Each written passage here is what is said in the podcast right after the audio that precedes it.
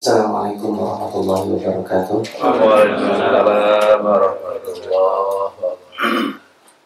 Alhamdulillah, alhamdulillahilladzi anzala al-Qur'an.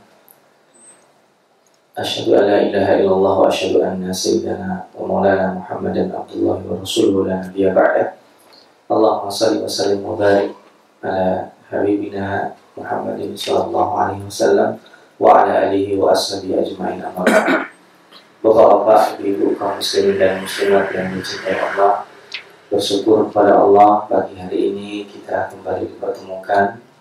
Bersyukur pada pada hari ini juga kita memulai hari kita dan wakil khusus kita sudah memasuki bulan Dhul. Kita berharap mudah-mudahan awal bulan Dhul Hijjah ini karena Allah muliakan hari-hari ini kita diberikan kesempatan untuk memaksimalkan peluang kebaikan dan mudah-mudahan juga uh, para jamaah haji yang sebentar lagi akan menunaikan manasik mereka Allah berikan haji yang mabrur.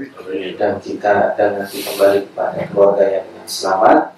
Dan kita yang belum berkesempatan pergi ke sana atau baik yang bisa kembali menunaikan ibadah haji dan berziarah ke makam Rasulullah SAW. Baik pada kesempatan kali ini kita akan melanjutkan halakat tadabbur kita Hari ini sampai ke halaman yang ke-50 Biidnillah kita akan memulai surat yang baru Yaitu surat Ali Imran Sekilas memberikan flashback bahwa Surat Al-Baqarah ini memberikan kategori besar tiga jenis manusia Manusia yang beriman dan bahkan bertakwa. Kemudian dikategorikan yang lawannya Yang berbalik yaitu orang-orang kafir yang menolak. Dan ada wilayah abu-abu Yaitu orang-orang yang kelihatannya beriman pada sesungguhnya mereka adalah orang-orang yang memusuhi Islam yaitu dikenal dengan orang munafik. Uh, sebab orang-orang munafik itu adalah karena mereka uh, terbiasa dalam lingkungan pergaulan ahli kitab khusus Yahudi atau Bani Israel yang uh, memiliki karakteristik yang sudah disebutkan Allah dalam surat Al-Baqarah karakteristik yang sedemikian banyaknya Kemudian uh, di surat ini juga ada beberapa hukum pernah kita bahas ya, baik berkaitan dengan hilal, berkaitan dengan puasa, berkaitan dengan uh, sholat, kiblat, berkaitan dengan uh, haji dan sebagainya, dan uh, bahkan terakhir kita membahas tentang masalah hutang piutang. Ada dibahas di dalam surat Al-Baqarah karena ini surat Madaniyah yang mengatur uh, interaksi antara sesama manusia Mobil khusus surat ini mempunyai porsi besar membicarakan tentang Bani Israel dan ditutup dengan uh, konklusi luar biasa. Kemarin kita membahas uh, kepasrahan kita kepada Allah Subhanahu wa taala dengan uh, doa yang sering kita baca hampir setiap hari. Nah, Ali Imran ini mempunyai dimensi berikutnya masih sama, tema besarnya adalah uh, merancang uh, peta sosial yang baik ada rekayasa kebaikan sosial, uh, akan tetapi uh, nantinya ada dimensi lain yang melengkapi yang belum ada di dalam surat Al-Baqarah, yaitu ahli kitab dari kalangan uh, kaum Nasrani. Uh, wabil khusus nantinya dibicarakan bahkan dari proses jauh. Jadi di sini ketika membicarakan uh, orang Nasrani, kaum Nasrani tidak murni membicarakan Isa, tetapi lebih jauh dari itu membicarakan Maryam. Bahkan bukan hanya Maryam, siapa Maryam? Keluarga besarnya siapa? Dan bahkan keluarga besar Maryam yaitu Imran, ayahnya dijadikan nama surat di dalam di dalam surat ini. Yang menarik bahkan Al-Quran satu ayat pun tidak pernah menceritakan siapa itu Imran. Al-Quran, wabil khusus dalam surat ini tidak pernah diceritakan Imran itu siapa, karakteristiknya seperti apa, kelebihannya siapa, dia nabi atau bukan, keturunannya siapa, tidak ada dijelaskan. Yang dijelaskan adalah bahwa Imran ini seorang laki-laki yang baik, ini tidak secara eksplisit ya, secara implisit, ketahuannya dari mana? Ketahuannya adalah dari bibitnya, ketahuannya adalah dari proses kebaikan yang ada di dalam istrinya, yang dikenal nanti dengan Imran atau Imran, di sini uh, sentuhan kebaikan seorang suami terlihat bagaimana istrinya, perilakunya, dan juga anaknya yang lebih luar biasa lagi ketika uh, proses pengasuhan anaknya semua orang berlomba-lomba. Uh, saya berhak mengasuh Maryam. Oh bukan, saya.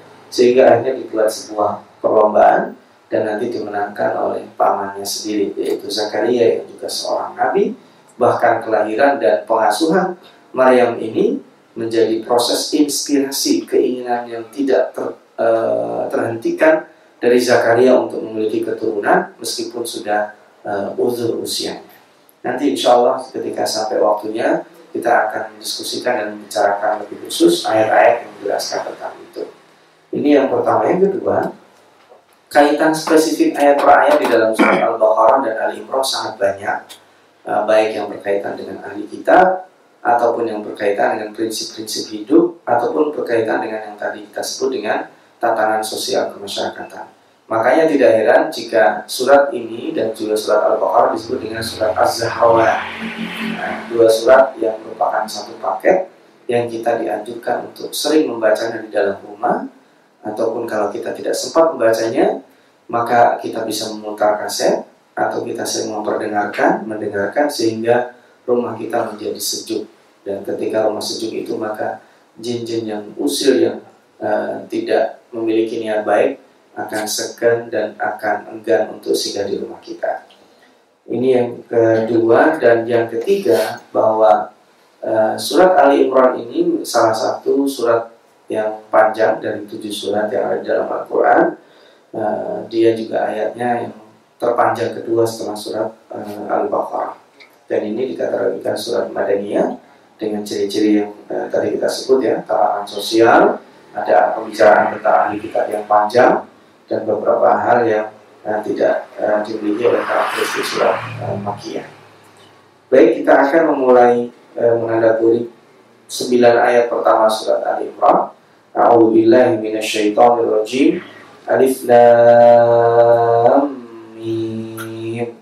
Ini satu ayat dan bahasanya sudah pernah kita bahas dalam surat Al-Baqarah. Sekedar pengingat saja bahwa alif lam mim ini adalah tiga huruf dari 14 huruf yang dipakai oleh Allah SWT dalam uh, Al-Quran sebagai uh, simbol ke kemahakuasaan Allah. Karena huruf-huruf ini tidak bisa difahami oleh orang, oleh siapa pun, bahkan oleh seorang nabi, bahkan oleh malaikat perantara wahyu yang uh, membawa kalam ini kepada Rasulullah SAW.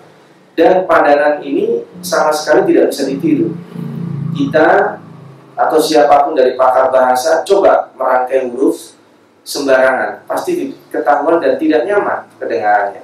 Di sini ada alif lam mim, ada alif lam ra. Coba kita ganti misalkan alif lam sin misalnya. Ketahuan dan tidak nyaman karena padanan-padanan huruf itu sendiri sudah dimiliki karakteristiknya oleh Allah Subhanahu wa taala. Nah, ini hari sudah kita bahas dan para ulama sepakat tidak ada satu orang pun yang bisa menguak rahasia makna di balik huruf-huruf seperti ini. Al-huruf al-muqatta'ah yang tadi jumlahnya ada 14 itu. Ada kadang terdiri satu huruf kayak of, nun, so. Ada yang dua huruf ya sin, ha, mim dan sebagainya. Ada yang tiga huruf seperti sekarang. Ada yang empat huruf alif lam mim so dan maksimal adalah lima huruf seperti dalam surat Maryam kafaya itu lima huruf nah ini susunan-susunan huruf itu rahasia simbol yang Allah Subhanahu wa taala hanya bisa mengetahuinya kita tidak bisa mengetahuinya nah hikmahnya adalah bahwa para jumhur ulama akhirnya mengatakan ini ada waktu tambih ini untuk memberikan uh, efek supaya orang uh, kemudian memperhatikan dan dari mayoritas jumlah huruf yang 14 tadi itu digunakan, hampir semuanya bercerita tentang Al-Quran, termasuk ayat ini. Setelah membicarakan alif lam mim, itu pasti nanti ujung-ujungnya cerita tentang Al-Quran, kecuali beberapa ayat saja. Nah, apa yang dikatakan setelah alif lam mim? Kalau yang kemarin dari kalau kita langsung di sini dijeda, ada jedanya. Allahu la ilaha illa wal hayyul qayyum. Inilah yang tadi saya sebut kaitan penting kita pernah membahas ayat kursi. Ini cuplikannya. Allahu la ilaha illa huwa hayyul qayyum. Alif lam mim. Seolah-olah setelah diketok ada apa ini? Yang mau bicara siapa? ada gerangan apakah Allah memberikan uh, ketukan atau simbol khusus maknanya yang uh, tidak bisa diketahui itu Allahu la ilaha illallah hayyul qayyum bahwa Allah tidak ada Tuhan selain Dia al hayyul qayyum ini Allahu la ilaha illahu atau la ilaha illallah itu kata-kata yang bisa dirangkai hanya oleh Allah saja. Coba kalau kita disuruh menyusun huruf terdiri dari tiga huruf, bisa menjadi bentuk yang difahami orang, bisa nggak? Itu sulit. La ilaha illallah atau Allahu la ilaha illahu itu hurufnya cuma tiga, lam, ya, hamzah atau alif dan ha. Itu dibolak-balik jadinya kayak gitu. La ilaha illallah atau Allahu la ilaha illa huwa. Itu cuma tiga huruf dibolak-balik dan itu tidak ada satu orang pun Arab yang sanggup merangkai uh, kalimat yang bisa dipahami dari tiga huruf. Nah, ini mukjizat yang luar biasa.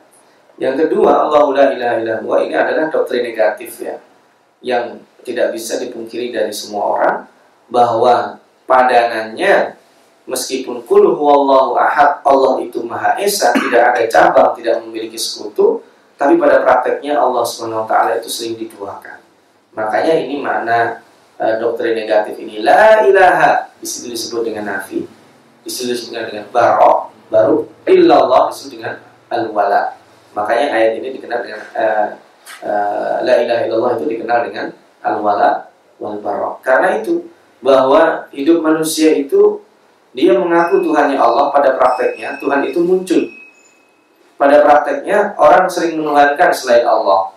Maka di sini perlu ada doktrin negatif setelah doktrin positif kul huwallahu ahad itu.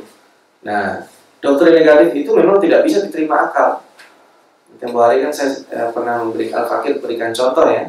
Bapak-bapak dan ibu-ibu tolong jangan bayangin gajah ya. Malah muncul gajahnya.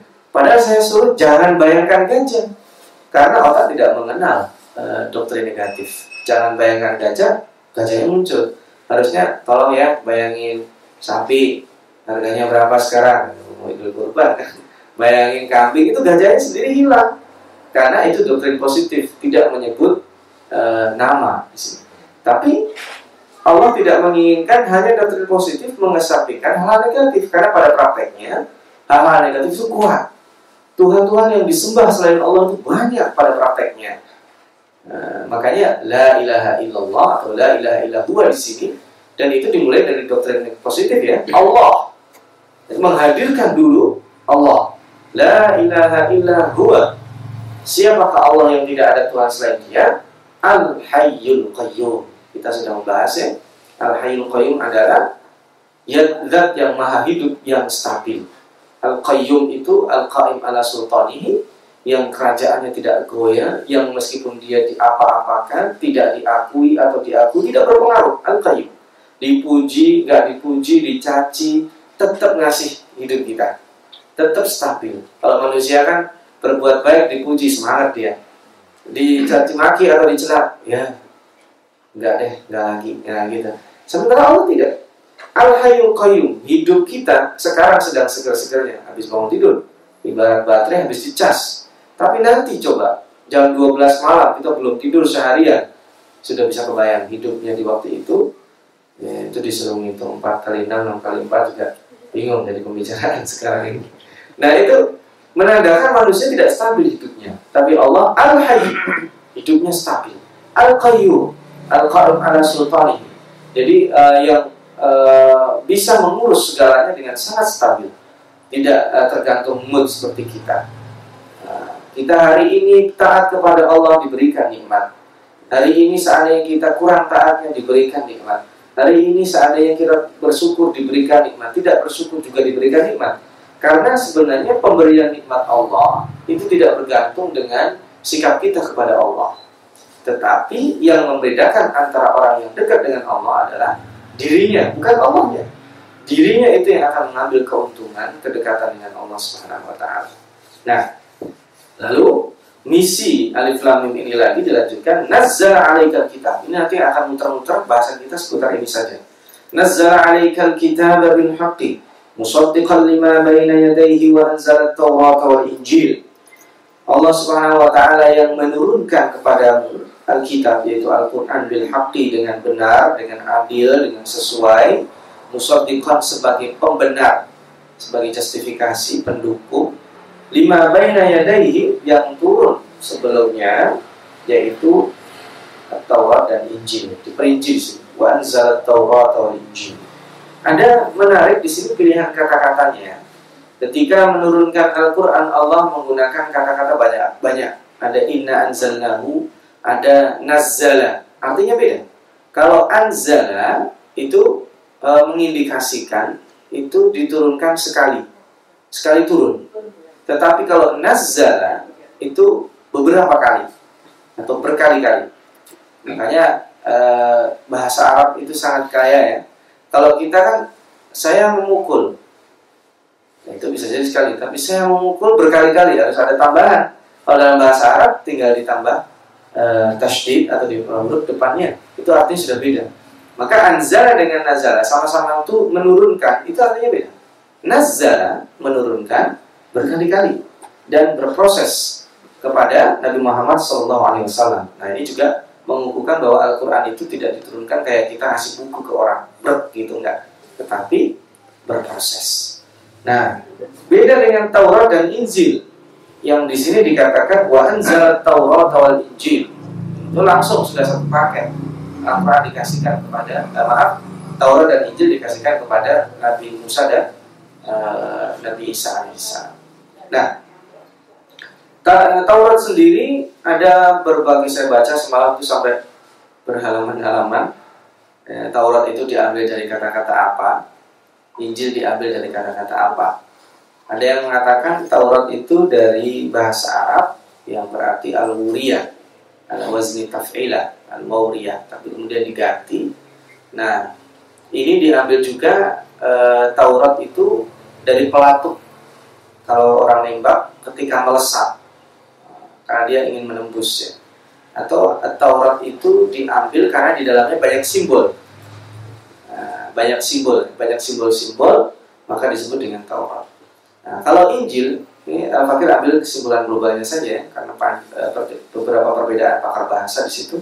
Kalau Injil ada yang mengatakan diambil dari kata-kata an-najal atau an-najlu. Itu air yang keluar dari e, bumi. Nah, mungkin apa ya? Mata air dari bumi ya. Tapi dia tidak bukan air mancur ya. Nah, lain kalau air mancur. Dia air yang yang sumbernya dari dari bawah, dari bumi bukan dari air terjun. Ya, dia ada uh, sumber mata air dari bumi, rajin. Nah, di situ. Nah, itu ada yang berpendapat dari bahasa Arab. Tetapi jumhur ulama kemudian mengatakan ini bukan kata-kata Arab. Taurat dan Injil itu kalau Taurat dari bahasa Ibrani, uh, alam dari bahasa Ibrani dan Injil juga dari bahasa Suryani. Nah, dua-duanya itu adalah saudara kandung uh, bahasa Arab. Jadi sebenarnya bahasa Arab, bahasa manusia itu satu. Sama dengan bahasa kalau di kita di Indonesia, bahasa Jawa satu. Tapi nanti pada prakteknya, lah beda. Saya ke Tegal dengan ke Solo lain. Saya ke Banyumas dengan Surabaya lain. Saya ke Pekalongan dengan Temanggung lain. Nah, itu mengalami prosesnya dalam perbedaan bahasa itu ada faktor etnologi dan sebagainya. Nah ini nanti yang kenapa kemudian ada Ibrani ada Suryani itu mungkin lain waktu kita bicarakan bahwa sesungguhnya ternyata bahasa asli manusia adalah bahasa Arab. Jadi, tapi susah kita ya di zaman sekarang ngomong kayak gini ya. Eh, kalau kita membicarakan bahasa asli, pernah nggak kita bertanya, kira-kira Nabi Adam itu dulu ngomongnya bahasa apa? Nah, Nabi Adam gitu, ketika wa Adam al asma gitu ya, Nabi Adam diajarkan kata-katanya itu bahasa apa? Ya bahasa Arab bisa ya? Nggak kursus juga bisa. Nanti kemudian istrinya juga ya anak-anaknya itu bahasa dan kemudian berkembang dipengaruhi oleh beberapa faktor ya yang hari sudah pernah kita bicarakan. Dan itu e, sangat luar biasa hasilnya. Dan kita di sini tidak usah jauh-jauh. Kita di sini saja kalau orang sini nyebut sapi itu jadi sampi ya. Saya dengar biasanya orang Betawi itu lebih banyak menguranginya. Kerbau jadi kebo misalnya Nah, tapi prakteknya kenapa sapi jadi sapi ditambah M di situ. Nah itu juga ada sesuatu yang lain dan itu saya tidak mendengar di daerah lain ada seperti itu. Hanya di Betawi di tempat ini saja. Nah itu secara etnologi silahkan nanti kita bahas. Nah jadi kita di situ ya. Mingkoblu sebelum Al-Quran itu diturunkan. Semuanya Al-Quran khususnya dan dua yang diturunkan itu adalah hujan linnas wa anzal furqan. Eh, kita mengetahui ya bedanya hujan linnas itu potensi petunjuk. Kalau Al-Quran dikatakan potensi petunjuk, itu seperti hanya peta uh, kota Jakarta yang ada di toko-toko buku. Potensi petunjuk, tetapi belum belum bisa digunakan. Kenapa? Kalau orang yang bisa menggunakan Allah akan spesifik. Hudan lil muttaqin. Nah, jadi Al-Quran ini potensi petunjuk ada di rak-rak buku, ada di dashboard mobil, ada di perpustakaan, ada di aplikasi smartphone kita, ada di uh, buku uh, bimbingan anak kecil yang sedang sekolah, ada di ma'at-ma'at Al-Quran, ada di pelajaran-pelajaran agama, itu hudan linnas, potensi kebaikan, potensi petunjuk. Tapi bagi orang yang menggunakannya nanti akan menjadi hujan dan muttaqin. Makanya nanti di sini ditegaskan karakteristik utama yang dibahas di dalam surat Al-Imran wa anzalal furqan. Jadi Al-Qur'an yang nazzala tadi itu misi semuanya adalah Al-Furqan. Nah, bukan berarti loh gimana sih Allah nggak konsisten katanya nazala diturunkan berkali-kali kok wa anzalal furqan Allah turunkan sekali itu Al-Furqan beda Nazala Alkitab, Alkitab yang uh, di antara nama terkenal Al-Quran itu selain Al-Quran itu Alkitab. Alkitab adalah juga bentuk mujizat futuristik. Di, saat Al-Quran ini diturunkan, tidak ada tulis menulis. Bahkan uh, penulis wahyu pun media untuk menulisnya berbeda-beda. Ada yang tulang, ada yang kertas, ada yang macam-macam. Tapi Allah menyebut kitab itu bahwa suatu ketika nanti Al-Quran akan menjadi kitab akan ditulis dari dalam bentuk buku. Itu juga luar biasa. Nah, Al-Furqan di sini adalah sifatnya yang akan menjadi pembeda yang benar dan yang buruk. Makanya dengan interaksi Al-Quran itu kita tahu siapa diri kita. Dengan kita membaca Al-Quran kita tahu siapa orang orang yang ada di depan kita. Dengan menadaburi Al-Quran itu kita tahu dalam hidup kita itu memang bukan hitam putih, tapi pada prakteknya nanti kita pilihannya itu iya dan tidak, kanan atau kiri, hitam atau putih di dalam prakteknya tetap ada wilayah disebut dengan syubhat nanti. Nah, sampai di situ titik Allah kemudian membuka.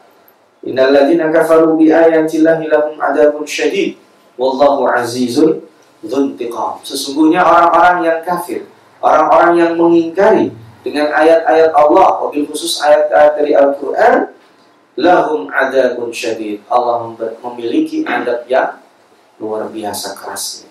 Jadi uh, kita pernah ya membahas ya jenis-jenis adab ya. Ada adabun alim yang menyakitkan, ada adabun azim yang besar tidak bisa uh, tidak kuat orang menahannya. Di sini juga syadid juga demikian keras. Ada adabun muhim yang menghinakan baik secara fisik maupun secara psikis. Ada adabun mukim uh, seolah-olah bermukim di dalamnya karena tidak keluar. Nah, ini jenis-jenis adab. Wallahu dan Allah azizun maha mulia dzuntiqam Masya Allah. Membaca ayat ini sebenarnya ngapain harusnya kita?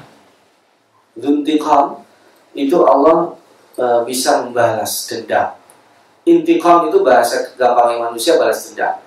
Tapi azuz intiqam itu mungkin bahasanya adalah membalaskan ya, bukan membalasnya.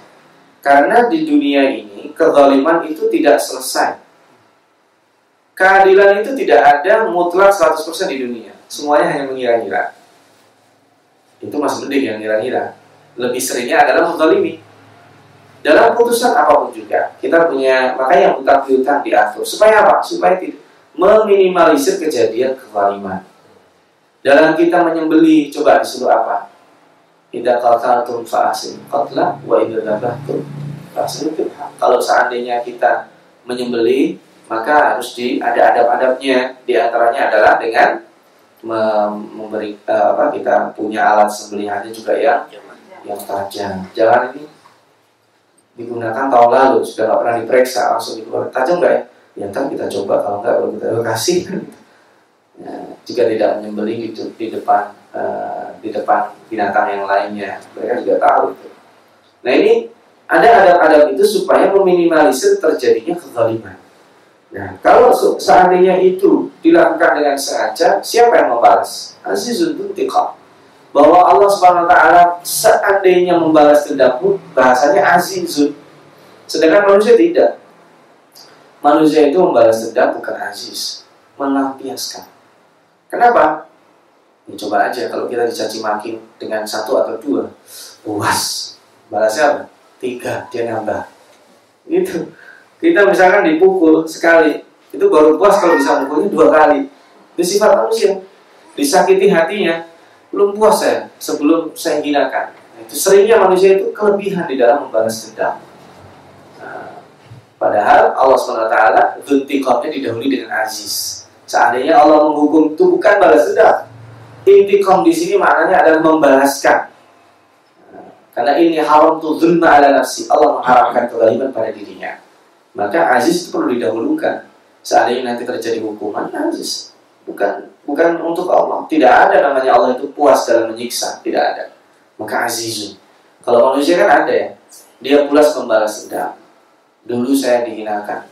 Awas nanti kalau saya jadi atasan. Pecat itu pertama. Nah, itu udah ngancem dia begitu dia jadi atasan dipecat itu direalisasikan. Sering hidup kita kan kayak gitu. Hmm, boleh hari ini saya dihinakan. Suatu ketika. Nah ada kalanya pelampiasan itu ada yang positif ada yang negatif. Dan manusia itu kadang juga perlakuan tidak adil itu bisa menjadi motivasi kesuksesan. Berapa banyak orang yang dihina? Dengan kata-kata hinaan itu dia terkejut. Berapa banyak orang dipecat? Berapa banyak orang di didolimi kemudian menjadi uh, stimulus dan motivasi untuk sebuah keberhasilan. Tetapi perlu diingat bahwa jika Allah membalas itu tidak ada kepuasan. Tetapi apa disebut di sini azizun, uh, maha mulia. Azizun itu tidak untuk kepuasan Allah menyiksa itu, tapi itu karena salah dia sendiri. Kenapa? Inna Allah la yakhfa. Allah tidak ada yang menjadi samar. Semua jelas bagi Allah. Syai'un fil ardi yang di bumi wala sama juga tidak demikian yang di langit. Bintang-bintang yang kelihatannya kelap-kelip itu besar. Bahkan nanti di dalam surat Al-An'am ya, kalau tidak salah ya, bahwa uh, wama warakatin ada satu pun daun yang jatuh itu tanpa sepengetahuan Allah. Tidak ada. Semua daun yang jatuh di malam hari, ada semut hitam di dalam uh, di atas uh, batu yang hitam itu bergerak Allah tahu. Jadi semuanya dengan sepengetahuan Allah. Layak fa'alaihi, tidak ada yang salah. Maka keputusan Allah sendiri itu Azizun Duntiqom yang tadi dikatakan itu sama sekali tidak akan menggali.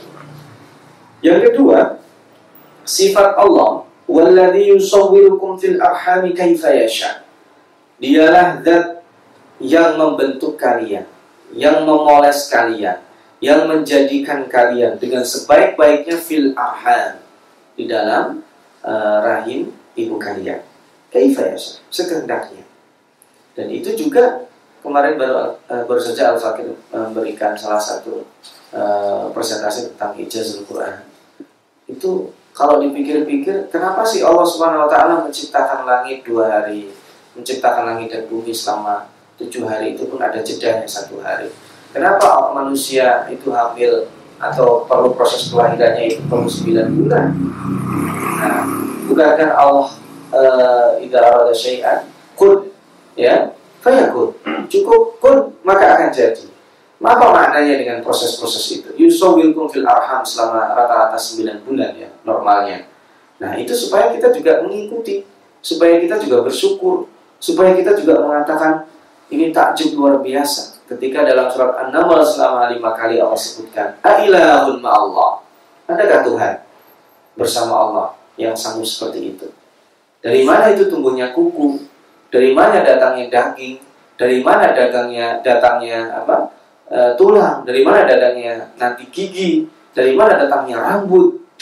Ya, ya meskipun dulu ketika Fakir pernah buat e, telur asin orang yang tidak tahu juga bingung ini gimana masukin garamnya Nah, kita punya teori, tapi itu kita itu sangat, sangat sederhana. Nah, ini bukan sesederhana itu. Sel otak anak kecil itu sudah bukan ribuan lagi, jutaan, jutaan syaraf itu sudah ada ketika seorang lahir. Jantung sudah berdetak sebelum kita keluar dari rahim ibu kita. Nah, itu adalah zat yang tadi, azizul dutiqa. La, la ilaha illallah. Diulang lagi. Ini untuk dokter negatif ya. Pada dasarnya manusia kurang bersyukur ya karena la ilaha illallah di sini. Pada prakteknya dia tidak mau bersyukur. Ketika sudah punya anak, tadi minta anak, tapi ya anak saya mau bandel-bandel. Nah, jadi anak saya, aduh, ada ada kurangnya. Jadi manusia tidak melihat dimensi positif ketika diberikan nikmat oleh Allah SWT. Maka di sini doktrin negatif didominankan lagi. Lagi ya, Al-Aziz. Ya kan? Allah memberikan itu tidak ada kepentingan. Aziz. Allah Maha Izzah. Al-Hakim, penuh dengan hikmah. Pemberian Allah berupa anak, kejadian yang ada di dalam rahim, hal-hal yang ada orang melahirkan sampai prosesnya luar biasa susahnya. Ada yang sulit mendapatkan keturunan. Ada yang dikaruniai sangat mudah sekali, anaknya banyak sekali. Itu adalah tanda-tanda kekuasaan Allah. Ya, ini ya. Ada dua. Kemudian balik lagi temanya tentang kitab. Walladhi anzala alaikal kitab. Ini kalau kata-kata anzala itu bukan berarti sekali turun, tetapi proses penurunannya ini bisa jadi awal turunnya atau semuanya itu disebut dengan proses penurunan. Tapi kalau yang benar itu nazala berarti membicarakan detil per detil karena Al-Quran diturunkan tidak sekaligus. Dialah yang menurunkan kepadamu Alkitab atau Al-Quran tadi ya, yang di dalamnya terdapat ayatun muhkamat, ayat-ayat yang jelas, hunna umul kitab yang dijadikan rujukan. Di ayat yang jelas dijadikan rujukan. Maka ayat-ayat hukum itu rata-rata tidak bisa ditakwil. Kecuali penakwilan prakteknya. Ya. Sholat. Ada yang orang mencoba menakwil. Wa aqimis sholat lidzikri. Dirikanlah sholat untuk mengingatku. Ditakwil sama dia saya kerasaan bisa mengingat Allah tanpa sholat ah kalau gitu saya nggak wajib sholat nah itu keblinger dia nggak tahu dia bahwa sholat itu nggak bisa ditakwil. Meskipun jumlah rakaatnya tidak ada di sini, tidak bisa ditakwil. Puasa tidak bisa ditakwil, haji tidak bisa ditakwil. Yang bisa ditakwil itu nanti prakteknya, uh, teknisnya maksud al-fakir. Ya, cara sholat, nah, maka terjadi penakwilan. Menurut madhab ini caranya seperti ini. Menurut madhab ini seperti ini. Nah, tapi penakwilan dalam non teknis itu tidak ada. Itu disebut dengan muhkamat sebagai rujukan. Nah kalau hukum ditakwilkan bahaya. Kalau hukum secara ideologis ditakwilkan bahaya. Kita sudah final, sholat wajib, wajib. Puasa wajib, wajib sudah final. Haji wajib, yang mampu wajib. Dan sebagainya. Kurban juga ada dalam Al-Quran. Tapi Allah la yanallahu luhumuha wala dima'uha. Bukan masalah daging dan darahnya, tetapi ketakwaan. Walakin yanalahu taqwa. Prosesinya seperti apa? Nah, itu yang terjadi itilah. Kambing yang disembelih seperti apa? Nah, di situ masalah teknis. Masalah teknis tidak terlalu penting bagi Al-Quran karena sudah diatur di dalam uh, hadisnya. Nah, di antara itu ada juga wa ukharu mutasyabihat. Ada ayat-ayat lain yang mutasyabih. Mutasyabih itu ayat yang samar. Samar itu artinya banyak. Dan sebenarnya kalau bahasan ini, bahasan ulumul Quran dan masuk masalah fikih ini panjang Fakir singkat saja bahwa mutasyabih itu ayat-ayat yang tidak bisa langsung difahami apa adanya. Jadi ada kandungan makna yang banyak. Contoh misalnya Allah Subhanahu wa taala itu uh, istawa alal arsh. Allah bersemayam di singgasananya. Mohon maaf. Kalau raja duduk di singgah sana ketahuan. Nah, Allah bersemayam di singgah sananya. Allah duduk, gitu maksudnya. Nah, di situ terjadi perbedaan ulama. Nah, ini yang disebut dengan ayat-ayat mutasyabih. Dan di antara ulama memasukkan alif lam mim termasuk ayat mutasyabih karena mau tidak bisa dipahami. Dengan jelas kalau mukamat dipahami dengan jelas kalau mutasyabih tidak bisa dipahami. Nah, itu singkatnya seperti itu ya. Fa'amal ladina fi qulubihim zaygun Sementara orang yang ada di dalamnya zaid.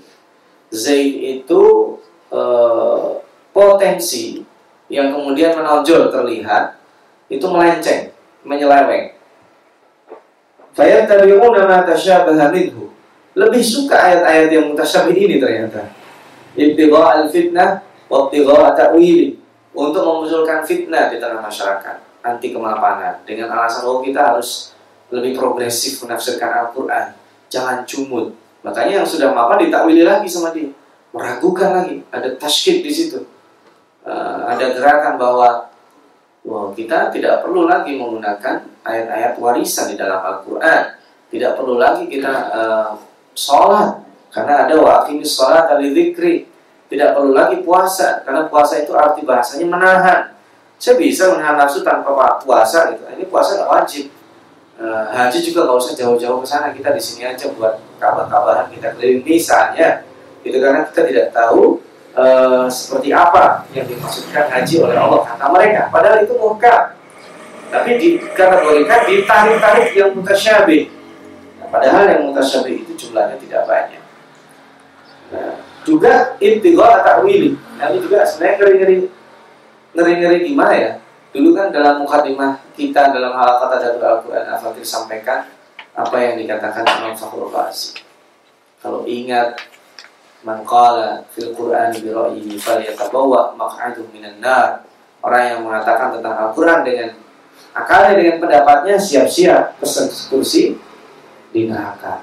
Imam Ar-Razi baca ayat itu, baca hadis ini ngeper dia. Tetapi kalau kayak gini membuat kita ngeper ya mutiara Al-Quran tidak akan bisa tersampaikan.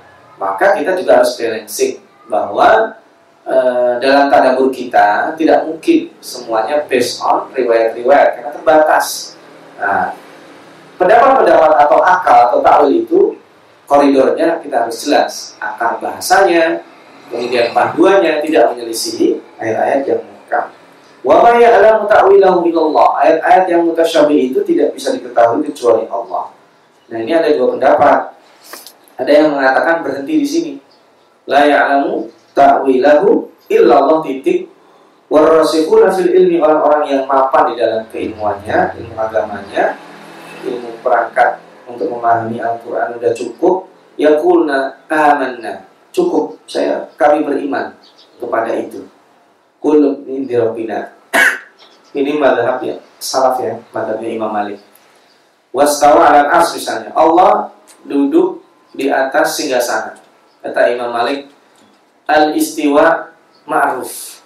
Duduk atau bersemayam mafhum sudah diketahui. Wasu'alu anhu bid'ah. Dan kalau ditanyakan kalau Allah duduknya gimana? Bid'ah nanya kayak gitu. Nah itu kata Imam Malik. Tapi kan sulit anak-anak sekarang kan lebih cerdas ya.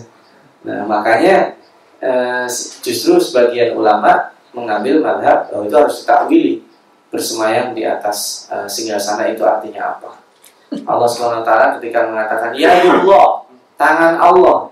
Ya, Allah punya tangan. Kalau madhabnya ini, madhab yang cara baca kayak gini, tangan sudah bisa diketahui. Tapi kalau tiga tangannya Allah gimana? Pertanyaan itu bid'ah. Ya, tapi susah kan? Anak-anak sekarang kan pasti bertanya.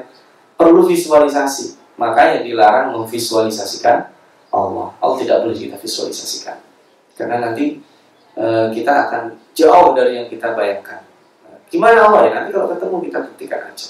Tidak usah dipertanyakan. Nah itu madhab yang uh, yang paling aslam selamat.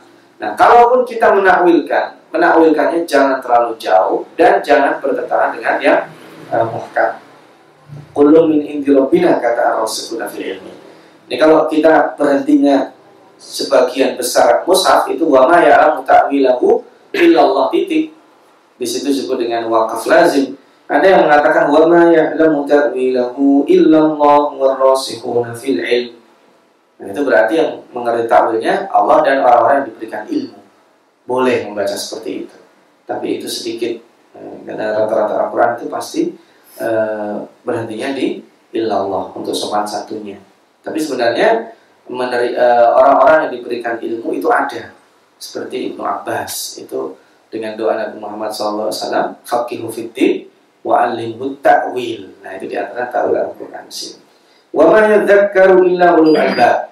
Ulul albabnya orang-orang yang bisa mengetahui hikmah itu, bisa memahami az-zikr. Maka mereka berdoa, Rabbana la tuzigh qulubana. Dari zik tadi. Ya Allah, jangan engkau tarik-tarik hati kami itu supaya tidak nyeleweng setelah engkau berikan hidayah kepada kami. Nah, wahab lana rahmah. Sebagai gantinya, Eh, berikanlah kami rahmat innaka antal wahhab wahab itu zat yang memberinya nggak putus-putus zat yang memberinya tanpa tendensi dan yang memberinya eh, tidak punya perasaan apa-apa ingin dibalas bahkan hanya sekedar terima kasih wahab itu disebut sementara maka doa ini sebaiknya kita juga sering membaca karena ini juga bukan hanya ma'thur dari Rasulullah SAW tapi diajarkan Allah ini sering kita baca Rabbana la tuzigh ba'da idh hadaitana wa hab lana min ladunka innaka antal ini dalam doa ini jadi ya Allah jangan nikmat yang engkau berikan berupa hidayah jangan engkau cabut. Jangan engkau berikan kesempatan sedikit pun hati kami untuk nyeleweng. Jangan engkau berikan hati kami ini tempat untuk uh, berpikir yang negatif. Lalu ditambah lagi, Rabbana innaka jami'un nasi liyaumin la raiba Engkau adalah zat yang mampu mengumpulkan manusia nantinya di satu hari yang tidak ada keraguan datangnya. Pasti Eh, Inna Allah la Allah itu tidak pernah menyelisih janjinya. Nah ini motivasi kita melakukan kebaikan itu apa? Dalam surat Al-Lail ya. Fa'amma man a'ta wattaqa apa terusnya? Wasaddaqa bil husna. Kita duduk di tempat ini motivasinya apa? Yang paling utama. Ini tidak sia-sia. Nanti Allah membalasnya. Minimal itu yang pertama. Yang berikutnya kan kita ada ingin dapat ilmu, silaturahim, ingin memperdalam Al-Quran dan sebagainya. Kita sholat rajin untuk apa? Wasat bil husna. Wabil khusus kalau itu adalah fa'amman a'to. Nah, proses memberi itu harus dominannya wasat bil husna. Harus kita meyakini suatu ketika Allah akan memberikan husna. Kalau motivasi kita kuat akan dibalas oleh Allah, kita mau dipuji gak ngaruh, mau diprotes gak ngaruh, mau diapakan gak ngaruh. Kenapa? Karena saya punya motivasi. Wasat bil husna. Dia yang membenarkan bahwa ada husna nantinya di hari kiamat pembalasan. Maka di sini ketika kita doa setelah yang pertama doa pengharapan ya Allah banyak orang tersesat ya Allah jangan engkau berikan ruang kami untuk mengikuti kesesatan itu. Setelah engkau berikan petunjuk. Lalu yang kedua innaka jami'un. Ini artinya apa innaka jami'un nas itu artinya apa? Maksudnya kami husna. Ya Allah nanti datang suatu hari yang pasti maka di hari itu lindungilah kami. Nah ini uh, sampai di sini kita akhiri. Dan nanti di ayat uh, berikutnya membicarakan kembali tentang orang-orang yang kafir. Dan mulailah kita nanti uh, beberapa ayat berikutnya membicarakan tentang uh, permulaan kisah Ali Imran ini. Mudah-mudahan sebagai uh, pertemuan awal membaca surat Ali Imran ini memberikan, memberikan nuansa yang uh, khusus bagi kita, terutama untuk dekat dengan Al-Quran, karena ini uh, dibahas luar biasa isi Al-Quran dan sumpah yang Allah berikan di sini. Maaf bukan sumpah, tapi konten yang diberikan pada kesempatan kali ini itu konten Allah menyiksa, bukan balas dendam. Konten bahwa Allah SWT tidak ada yang uh, samar dan yang ketiga di sini disebut secara khusus Allah SWT yang membentuk kita melukis, uh, memberikan penciptaan yang terbaik ketika kita berada di dalam rahim ibu kita. Itu sementara yang bisa aku sampaikan. Kita tadaburi pada kesempatan kali ini. Sementara kita tutup dulu nanti kita lanjutkan dengan dialog. Aku lu kau ada, wallahu a'lam bishawab. Wassalamualaikum warahmatullahi